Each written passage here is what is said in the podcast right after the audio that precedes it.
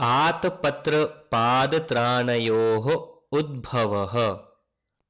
महातपस्विनः जगदग्निमहर्षेः आश्रमः। ग्रीष्मकालः। आदित्यः तीक्ष्णैः किरणैः सर्वान् तापयति स्म। विश्रान्तिवेलायां सूर्यतापम् असहमानः महर्षिः। दिवाकरः अयं तीव्ररश्मिभिः एवं यदि पीडयेत् तर्हि भूमौ जीविनां सुसंस्थितिः कथं वा भवेत्?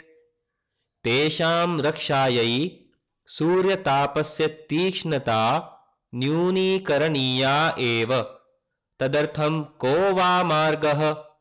इति चिन्तयन् कमपि उपायं ज्ञात्वा पत्नीं रेणुकादेवीम् आहूय निरदिशत्। मम धनुः आनीयताम् इति। पत्न्या धनुः आनीतम्। ततः महर्षिः सूर्यम् उद्दिश्य एकैकशः बाणानां प्रक्षेपणम् आरभत।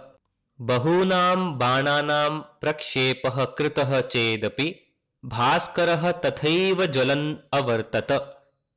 प्रवृद्धकोपः महर्षिः पौनः पुण्येन बाणानाम् आनयनाय रेणुकां प्रेषयति स्म। इतस्ततः सञ्चरेण रेणुकादेवी नितरां श्रान्ता सञ्जाता। एतस्मात् महर्षेः क्रोधः पराकाष्ठां गतः।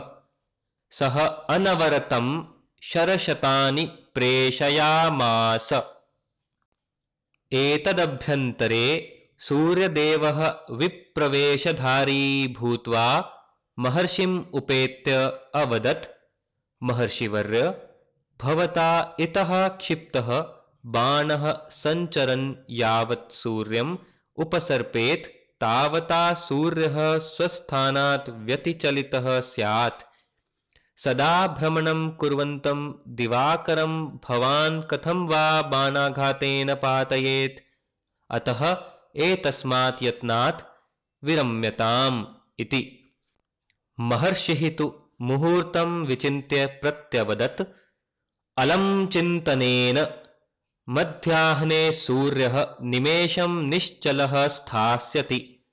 तदा अहं तं शरेण पातयिष्यामि इति महर्षेः कथनेन अपायवित् सूर्यदेवः स्वस्य दिव्यशक्त्या आतपत्रं पादत्राणं च सृष्ट्वा तस्मै महर्षये अदात्।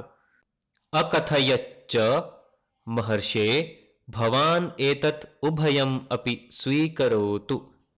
आतपात् आत्मनः रक्षणाय एतत् उभयम् अपि उपयुज्यताम्। भवान् एतयोः धरणेन स्वस्थः भवेत्। एषः खलु सरलः मार्गः। अतः अस्मात् साहसाद् विरमतु इति। महर्षिः तस्य वचनम् अङ्गीकृतवान्। इत्थम् आदिमयोः आतपत्रपादत्राणयोः उद्भवः जातः।